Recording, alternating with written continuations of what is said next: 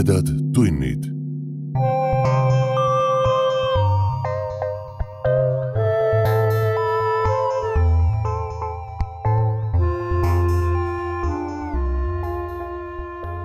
tere, hea ulmesõber! sa hakkad kuulama õudus- ja ulmejutu vestmis podcasti Tumedad tunnid neljakümne teist osa. mina olen saatejuht Priit Öövel. käes on oktoobri lõpp. Eestis on algamas hingede aeg, aga Ameerikamaa lapsed tähistavad Halloweeni. siiani oleme oma podcasti tavaosades sellest sujuvalt üle libisenud. välja arvatud eelmise aasta Tumedad tunnid ekstra osa kus meie toetajad said kuulda Eric Doddi lugu Nõiad ja ring. täna võtame taas kord ette kahe tuhande viieteistkümnendal aastal kirjastuses Fantaasia avaldatud Raul Sulbi koostatud hirmu ja õuduse juttude esimese köite. kunagi ammusel ajal, tumedate tundide kuueteistkümnendas osas, saite samast kogumikust kuulda Herbert Tokmanni juttu Hingede saar. aga täna võtame ette kogumiku avaloo paljudes Halloweeni teemalistes kogumikes avaldatud õudusjutu. Eesti keelde on selle tõlkinud Kati Karu. ma loen teile Al Sarrantonio jutu Kõrvitspea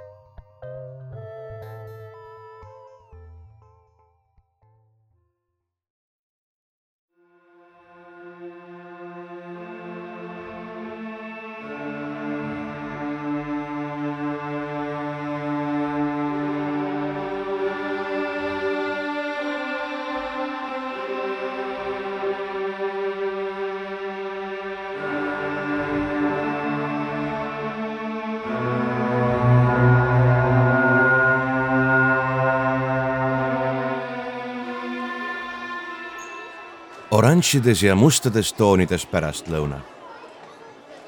väljas paljaks minevate, kuid endiselt tugevate puude all torkisid lehed kõnniteid nagu tuhat küünt, mida kribitakse üle tuhande kuiva klassitahvli. sees oli algamas pidu. kurjad vaimud jooksid üksteisele böö karjudes pingiridade vahel edasi-tagasi. Halloweeni värvides krimpsus krepppaberi ribad rippusid risti-rästi klassitahvlil mis oli kaetud pööraste, punase ja rohelise kriidiga tehtud hirmutavate kritseldustega. maod, rotid, nõiad luuavarte seljas. aknalauad olid täis välja lõigatud musti kasse ja tonte, kellel polnud silmi, vaid ainult hiigelsuured O-kujulised suud. kopsakas kõrvitsakoorest tehtud latern jõllitas Preili Grinby laualt, välgutades suu ja silma avades oranži küünlaleeki ning levitades vürtsikat lõhna. noor, rõõmus ja entusiastlik Preili Grinby lahkus ruumist, et jahtida ula peale läinud põrgulise lapsukest ja üks tahvlil ilutsevatest nõidadest sai kiiruga allkirja õpetaja. Preili Grinby jõudis kinni püütud tassides tagasi, nägi oma karikatuuri ja naeratas. Nonii, kes siis sellega hakkama sai? küsis ta vastust ootamata ja ka saamata ta püüdis haledat nägu teha. oh, pole viga, sest ma arvan, et te teate, et tegelikult ma niimoodi välja ei näe. võib-olla ainult täna. ta võttis sahtlist teravatipulise nõiakübara ja pani uhkeldades pähe. naer. ah, ütles Preili Grinby õnnelikult. pidu algas jagati välja väikesed äsja kokku keeratud suudega oranžid ja valged kotikesed, mis olid täidetud oranžide ja valgete maiustustega. maiustused kadusid väikestesse roosadesse suudesse. oli palju melu. Preili Grinby klaverimängu saatel lauldi Halloweeni laule ja mängiti mustale kassile saba külge panemist. ja siis tuli tondi jutt, mida anti edasi ühelt lapselt teisele. igaüks ütles ühe lause oli pime ja vihmane öö. ja Peter pidi minema välja tormi kätte. ja ta peatus ainsa maja juures, mis tee ääres oli. ja paistis, et kedagi pole kodus. sest see oli mahajäetud maa, maja ja seal kummitas. jutujärg katkes esimese pingirea viimase pingini jõudes. uus laps. Really? küsis Preili Grinby leebelt kas sa ei tahaks seda lugu koos meiega jätkata? Rayleigh, esimest päeva klassis, vaikne ja uje, musta tuka ja alati maha löödud suurte silmadega, istus, väikesed hallikad käed kokku pandud ja tumepruunid silmad ainiti enda ette vahtimas, nagu autolaternate valgusvihku jäänud jänes. Rayleigh? Rayleigh kõhnad kahvatud käed värisesid. Braille Grinby tõusis ruttu, läks piki vahekäiku ja pani käe kergelt tüdruku õlale. Rayleigh on lihtsalt häbelik, ütles ta allapoole tüdruku liikumatule pealaele naeratades. ta põlvitas, nii et nende näod jäid kohakuti ja märkas kaht suurt ümmargust pisarat tüdruku silmanurkades. lapse käed olid kõvasti kokku pigistatud. Kas sa ei tahaks meiega ühineda? sosistas Braille Grinby lahke pilguga tüdruku nägu paitades. teda täitis kaastunne. kas sa ei tahaks siin kõigiga sõbraks saada? mitte midagi. tüdruk vahtis ainiti enda ette ja tema ees lebas plekilisel lakitud lauaplaadil maiustuste kotike, ikka alles kenasti pakitud ja avamata. Ta on imelik. seda ütles Judy Linthrop, üks neljast Linthropi tüdrukust vanuses kuuest üheteistkümneni, kellega tekkis vahel probleeme. no noh, Judy, alustas Braille Grinby. imelik. Roger Mapletonilt imelik. Peter Bakinski, Randy Pfeffer, Jane Campbell. kõigi silmad olid Rayleil, et näha reageeringut. Kahvatu väike värdjas. aitab, ütles Braille Grimby vihaselt ja kohe valitses vaikus. mäng oli läinud liiga kaugele. Rayleigh, lausus ta leebelt ta noor süda hakkas tüdruku pärast muretsema. ta oleks tahtnud tolle peale karjuda, ära ole häbelik, selleks pole põhjust.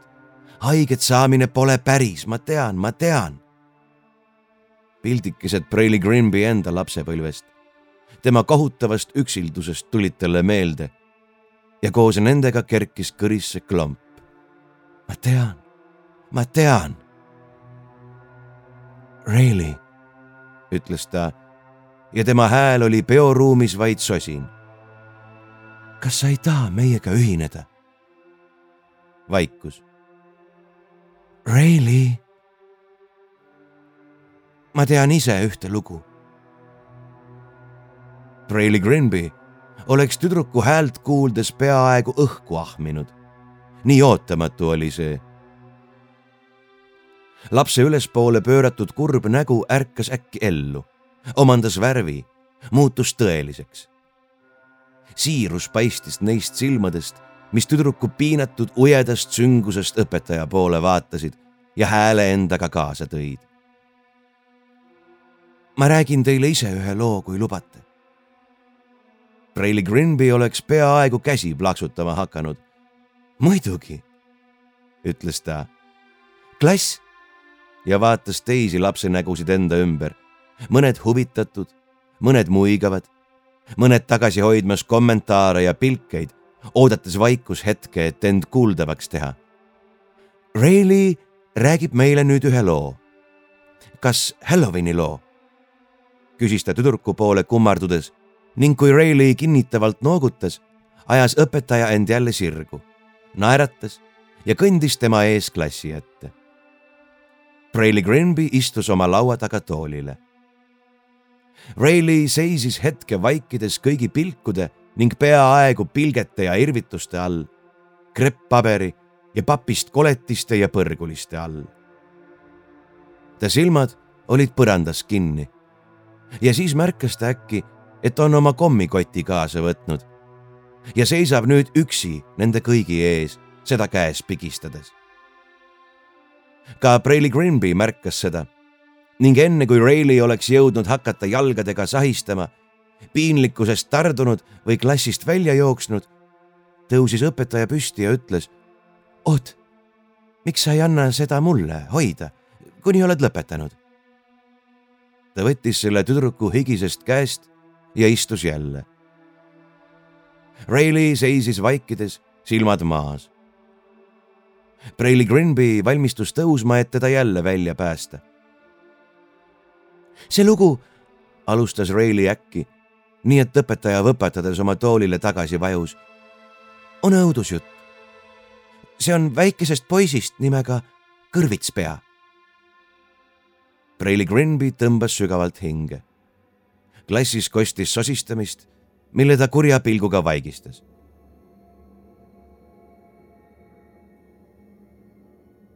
kõrvitspea, jätkas Reili vaikse ja nõrga, kuid siiski selge ja kindla häälega. oli väga üksik.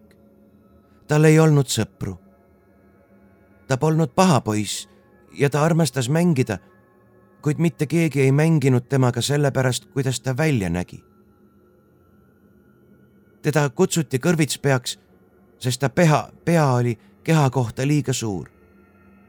see oli kõigest muust kiiremini kasvanud ning pehme ja pirakas. juukseid oli tal ainult väike tutike pealael ning nahk igal pool peas oli pehme ja paks. seda oleks peaaegu saanud voltidesse tõmmata. Tema silmad, nina ja suu olid peaaegu uppunud paksus näos keegi rääkis, et kõrvitspea näeb niimoodi välja sellepärast, et ta isa oli töötanud aatomielektrijaamas, kus enne kõrvitspea sündimist oli toimunud õnnetus. aga see ei olnud poisi süü ja ka mitte tema vanemate süü, kes teda armastasid ja tema pärast kartsid, kuna ta niimoodi välja nägi. Kui ta peeglisse vaatas, siis hakkas ta peaaegu ise ka ennast kartma mõnikord tahtis ta oma nägu küüntega kraapida või noaga lõikuda või peita pähe tõmmatud kotti, millele oli kirjutatud see olen mina. ma olen siin sees sama normaalne nagu teiegi. mõnikord tundis ta ennast nii halvasti, et tahtis pead vastu seina peksta või rööbastele hüpata ja lasta rongil endast üle sõita. Rayleigh vaikis ja Braille Grinby tahtis juba teda katkestada, kuid märganud klassis valitsevat täielikku vaikust ja Rayleigh süvenemist oma jutustusse, hoidis ta keele hammaste taga. viimaks muutus kõrvits pea nii üksildaseks, et otsustas sõbra leidmiseks teha ükskõik mida. Ta rääkis järgemööda igaühega oma klassist nii kenasti kui oskas. aga mitte keegi ei tulnud talle lähedalegi ta proovis uuesti, aga ikka ei tulnud keegi. siis viimaks lõpetas ta üritamise. ühel päeval hakkas ta klassis nutma, otse keset ajalootundi. mitte keegi, isegi mitte õpetaja ei suutnud teda rahustada. Pisarad jooksid mööda kõrvitspea näo kortse nagu mööda sügavaid vagusid kõrvitsa koores õpetaja pidi helistama ta emale ja isale, et nad talle järele tuleksid. ja isegi siis oli raske teda ära viia, sest ta istus oma pingis ja hoidis sellest kõvasti kinni ja muudkui nuttis ja nuttis. tundus, et kõrvits pea pähe ei saagi nii palju pisaraid mahtuda, et kogu selle nutmise jaoks jätkuks. Ja mõned ta klassikaaslastest imestasid, kas ta pea on siis üleni vett täis aga viimaks viisid vanemad ta koju ja saatsid ta oma tuppa. ja sinna ta jäi kolmeks päevaks, aina nuttes. kui need kolm päeva olid möödas, tuli kõrvitspea oma toast välja. ta pisarad olid kuivanud. ta naeratas oma näo inetute voltide vahelt ja ütles, et ei nuta enam ja tahaks nüüd jälle kooli minna. ema ja isa imestasid kas temaga ikka tõesti on kõik korras. kuid kõrvitspea teadis, et salamisi nad ohkasid kergendusest. sest neid tegi närviliseks see, et ta kogu aeg läheduses viibis. mõned sõbrad ei tahtnud neid vaatamas käia, kui kõrvitspea kodus oli. sel hommikul läks kõrvitspea naeratades kooli. ta kõigutas käes oma heinekarpi ja hoidis pea püsti. õpetaja ja klassikaaslased olid teda nähes väga üllatunud ja kõik jätsid ta natukeseks ajaks rahule.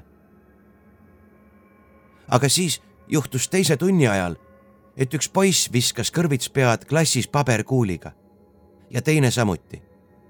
keegi sosistas, et ta pea on nagu kõrvits ja et tal oleks parem see enne Halloweeni maha istutada. Ja Halloweeni ajal lööme ta kõrvitspea lõhki, karjus keegi teine.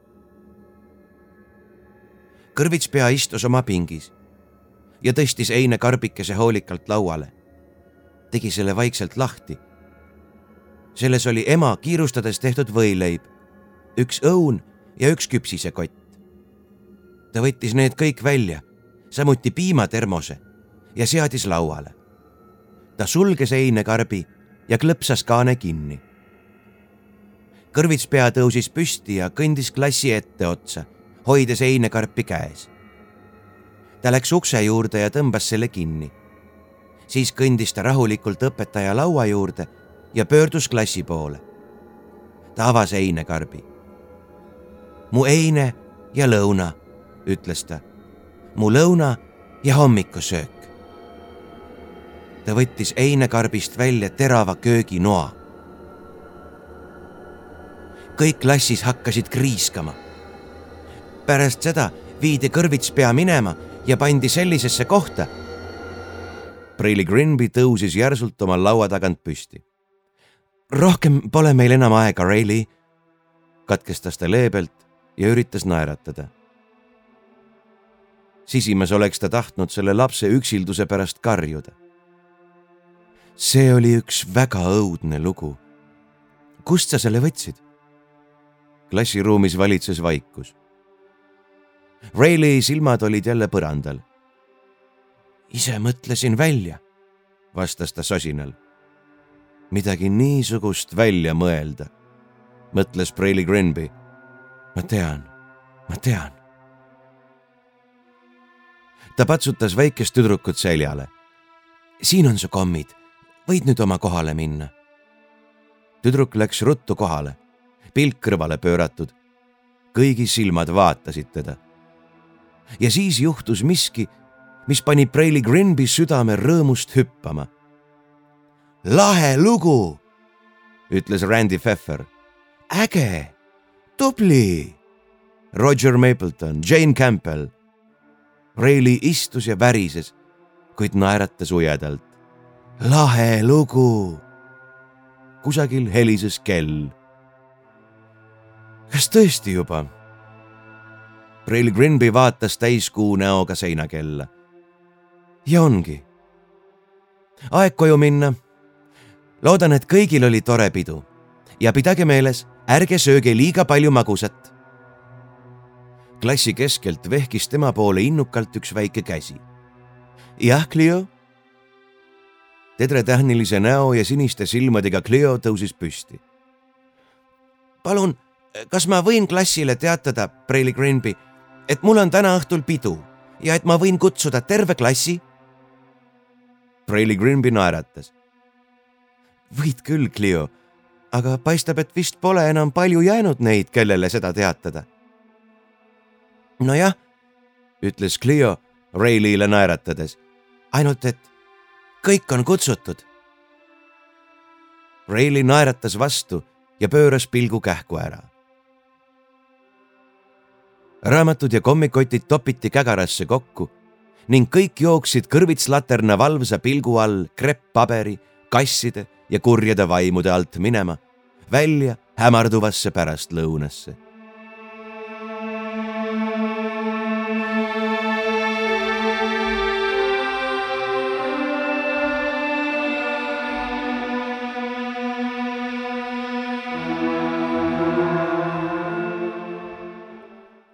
mustades ja oranžides toonides õhtu. siit tuli kahel jalal kõndides üks must kass. seal lohistasid kaks perkalist voodilinades tonti sangadega paberkotte. siin jällegi tippis üks pisike mehike avakosmosest. oli tõusnud tuul. lehed kihutasid pikki looklevaid kõnniteid nagu võidusõiduautod. õhus krõmpsuv värske õunalõhn mis mõjus nagu mööda selgroogu libisev jääpurikas. kohe-kohe saabuva talve kargus. kõik kohad kõrvitsaid täis, ja sügisesele pööripäevale lähenev poolkuu arglikult mänglemas kõrgel sõudvate varjutaoliste pilvekahludega. tuhat tuhmi kollast öölambikest vilkumas läbi tuuliste puude tuhandel vanikutega kaunistatud ukse esisel. pidev uksekellade helin, mida uhamas põrguliste voog. Nad rändavad kahe, kolme ja nelja kaupa. Need koletised, keda koos hoiab Halloweeni gravitatsioon. salgakesed möödumas teistest salkadest, treppidest üles või alla, nägusid tehes ja böö hüüdes. sel õhtul võib kuulda miljonit böö tervitust. kõigi nende tuhande eestrepi hulgas oli seal üks isevärki trepp, millest põrgulised küll üles läksid, ent alla enam ei tulnud. uks paotus pisut siis avanes laiemalt ning tontide, võlurite ja kummituste kambad, selle asemel, et kannatlikult oodata, mida kotti heidetakse ja siis minema pöörduda, lipsasid majja ja kadusid õhtust. kadusid ühte teise õhtusse. läbi koridori ja köögi ja ühest teisest trepist alla keldrisse. muundunud keldrisse. see oli põrgukelder, süsimust tontlikult hämarate punaste laternatega, mis kumasid veidrates nurkades ja pragudes. Edgar Allan Poe kelder. ja seal rippuski tema portree ulpivate õunte anuma kohal, ehitud kaarnatega, hullumeelne muie nende tumedaid tiike meenutavate silmade ja raskepärase lauba all. see oli tema kelder, täitsa kindel, punase surmamaski kelder ja siin olid ka Poe inimesed, tema loodud õelate olendite miniatuursed versioonid, piisavalt ilgeid elukaid, et täita üht lehekülge teise järel ja kõik lapse suuruseks kahanenud. Ohtrasti papier-macheest maskides, sõrgade ja punasest köiest sabadega saatanaid, kõigil karmiinpunane kolmhark käes, kari tõuklevaid tonte, papist robot, kaks huntmeest neli vahakihvadega vampiiri, üks muumia, üks kümne kombitsega mereelukas, kolm Frankensteini koletist ja üks selle koletise pruut. Ning üks ebamäärase kuju ja välimusega monstrum, kes meenutas kilekottidest tehtud meduusi. ja Rayleigh. Rayleigh saabus viimasena. ta oli viimane, kes vaikselt ja värisedes läbi kollase eesukse sisse lipsas oli viimane, kes isegi veel vaiksemalt mööda keldritrepi kriiksuvaid astmeid alla põukeldrisse lipsas. ta tuli hinge kinni hoides vaikselt ja ettevaatlikult nagu kass. Ja muidugi oli ka riides nagu kass. vurrudega mask, mustad retuusid ja must nöörist saba. kõik must, et vaikselt musta keldriga kokku sulada. keegi ei näinud teda tulemas ainult Poe sitik mustad silmad õunaanuma kohal märkasid ta saabumist. õunaanum oli nüüd usinasti kasutuses. saatanate, tontide ja Frankensteinide vägi tungles selle ümber, oodates innukalt oma korda Poe valvsa silma all mängu astuda. kätte sain, karjus üks punane kurat, võttes võidukalt suust läikiva õuna tal polnudki kuradi maski, vaid punaseks värvitud nägu, mis nüüd punetas ja anumas olnud veest tilkus. see oli Peter, üks pilkavatest poistest Rayleigh klassis. Rayleigh kadus varjudesse. kätte sain, karjus Frankensteini koletis. mina ka, karjus tema pruut. kaks ilusat punast õuna tõsteti kõrgele, Poe'le ülevaatamiseks mina ka, mina ka, karjusid draakulad, küürakad ja väikesed rohelised mehikesed. karjusid ka kummitused ja huntmehed. üks õun jäi üle. Kes ei ole veel proovinud? hüüdis nõiarõivais uhkeldav Clio. ta oli nagu miniatuurne Preili Grinby. ta toetas luuavarre vastu anumat ja nõudis tähelepanu. kes ei ole veel proovinud? Rayleigh püüdis pugeda varjude kaitse alla, kuid see ei õnnestunud. oleks tarvis läinud tihedamat pimedust. teda märgati. Reili, Reili, karjus Clio, tule püüa oma õun. see kõlas nagu leelutus, kui Reili õunata käed välja sirutas ja kurjade vaimude sõõri astus. ta tundis kabuhirmu ta värises nii kõvasti, et ei suutnud käsi metallanuma külgedel paigal hoida, kui selle kohale kummardus. ta tahtis söösta sealt välja, trepist üles ja läbi kollase ukse pimedasse õhtusse.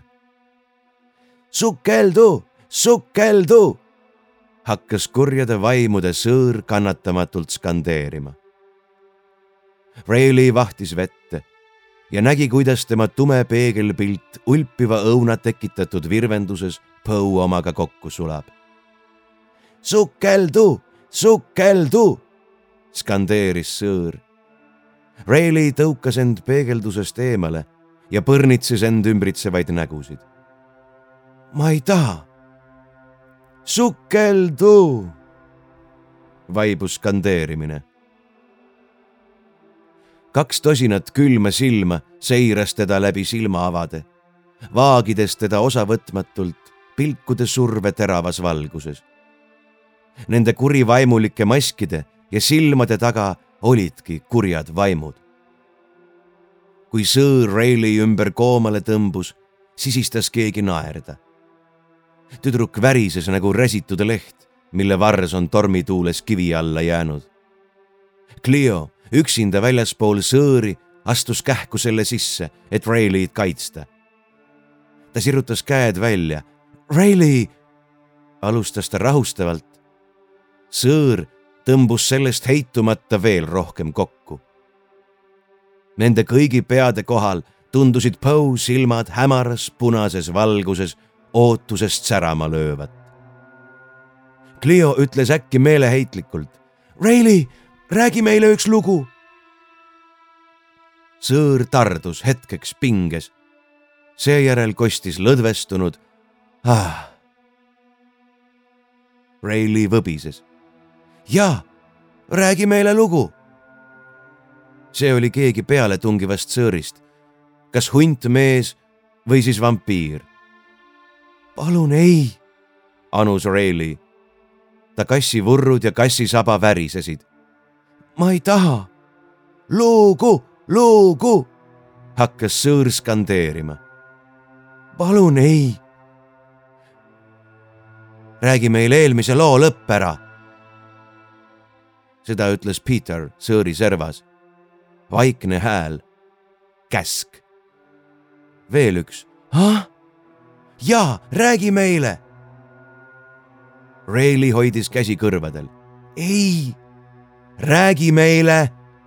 ei, räägi meile kohe. ma mõtlesin, et te olete mu sõbrad. Rayleigh sirutas oma kassikäpalised käed nende poole, silmad anuvad. räägi meile. Rayleigh kõrist pääses alla surutud karjatus. Sõõr tõmbus instinktiivselt laiemaks. Nad teadsid, et nüüd ta räägib neile Nad olid teda käskinud. kui ta tahab nende hulka kuuluda, peab ta tegema seda, mida nad käsivad. Clio astus abitult sõõri tagasi, jättes Rayleigh Poe kõvera muige alla. Rayleigh seisis üksi ja võbises veel hetke. siis, silmad põrandal, lõpetas ta värisemise ning muutus väga rahulikuks ja liikumatuks. tekkis vaikus hetk pimedas keldris oli kuulda üksnes küünlapraginat kaugemas nurgas ja veeladinat vastu üksildast õuna tema ees anumas. kui ta pilgu tõstis, olid ta silmad tuhmid ja hääl vaikselt rahulik. ta hakkas rääkima. Pärast seda viisid nad kõrvits pea minema ja panid ta kohta, kus hoiti kinni hulle inimesi. seal kriisati päeval ja öösel. alati kriiskas keegi või peksis pead vastu seina või nuttis kogu aeg. kõrvitspea oli väga üksildane ja väga hirmunud. aga kõrvitspea vanemad armastasid teda rohkem, kui ta arvata oskas. Nad otsustasid, et ei saa teda kauemaks sellisesse kohta jätta. niisiis tegid nad plaani, ühe vaikse plaani. ühel päeval, kui nad teda vaatama tulid, panid nad talle valeriided selga ja viisid ta minema. Nad viisid ta väga kaugesse kohta, laskmata kellelgi teda näha. Viisid ta riigi teise äärde. Nad peitsid ta ära ja hoidsid maskeerituna, otsides ise võimalust teda aidata. ja pärast pikka otsimist leidsidki nad ühe arsti. ja see arst tegi imeasju. ta tegeles kõrvitspeaga kaks aastat, tema näoga ja tema kehaga. ta lõikas kõrvitspea nägu ja muutis seda. Plastilise kirurgia abil tegi arst sellest päris näo ta muutis ka ülejäänud osa kõrvitspea peast ja andis talle päris juuksed. ja ta muutis kõrvitspea keha. kõrvitspea vanemad maksid arstile palju raha ja arst tegi geeniuse tööd.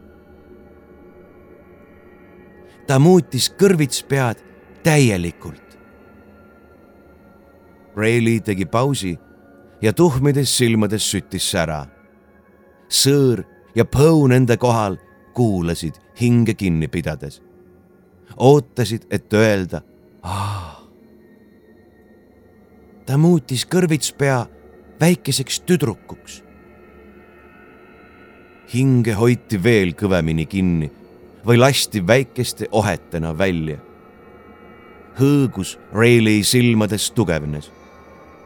Olid asjad, mida kõrvitspea, kes nüüd ei olnud enam kõrvitspea, pidi tegema, et olla tüdruk.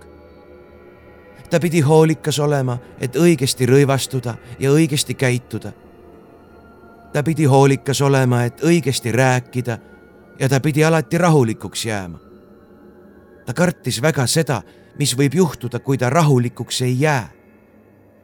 sest ta nägu oli tõepoolest imeline plastiknägu päris kõrvits pea oli ikka veel kinni seal sees oodates võimalust välja tulla. Rayleigh vaatas neile otsa ja ta hääl muutus äkki hoopis teistsuguseks, karmiks ja krigisevaks. ta silmad põlesid nagu söed. kõik, mida ta kunagi tahtis, olid sõbrad.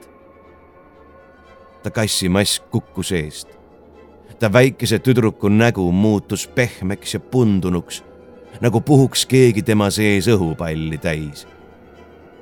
ta juuksed hakkasid pealaele kokku tõmbuma, moodustades seal ümmarguse tuti.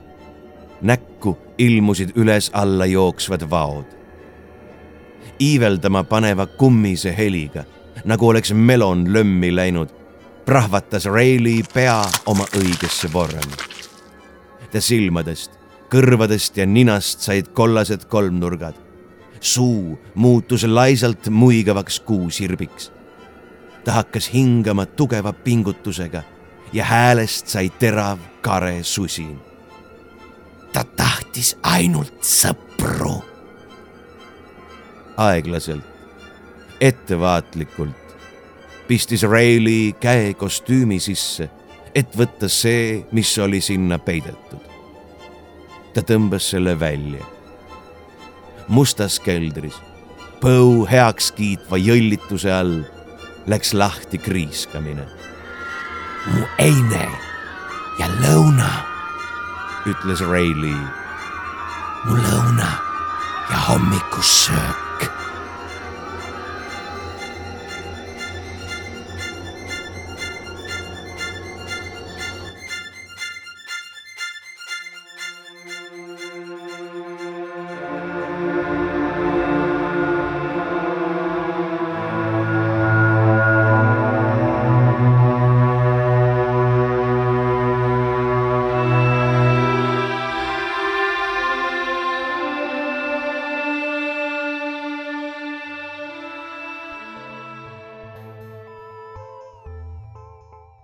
Te kuulsite Al Sarrantonio õudusjuttu Kõrvitspea, eesti keelde tõlkinud Kati Karu. jutt on ilmunud kahe tuhande viieteistkümnendal aastal kogumikus Hirmu ja õuduse jutud esimene osa kirjastuses Fantaasia. me kohtume teiega juba novembris. seniks aga jagage meid sotsiaalmeedias oma sõprade ja vaenlastega ning hakake meid võimalusel toetama meie lehel patreon.com kaldkriips tumedad tunnid. kõhedate kuulmisteni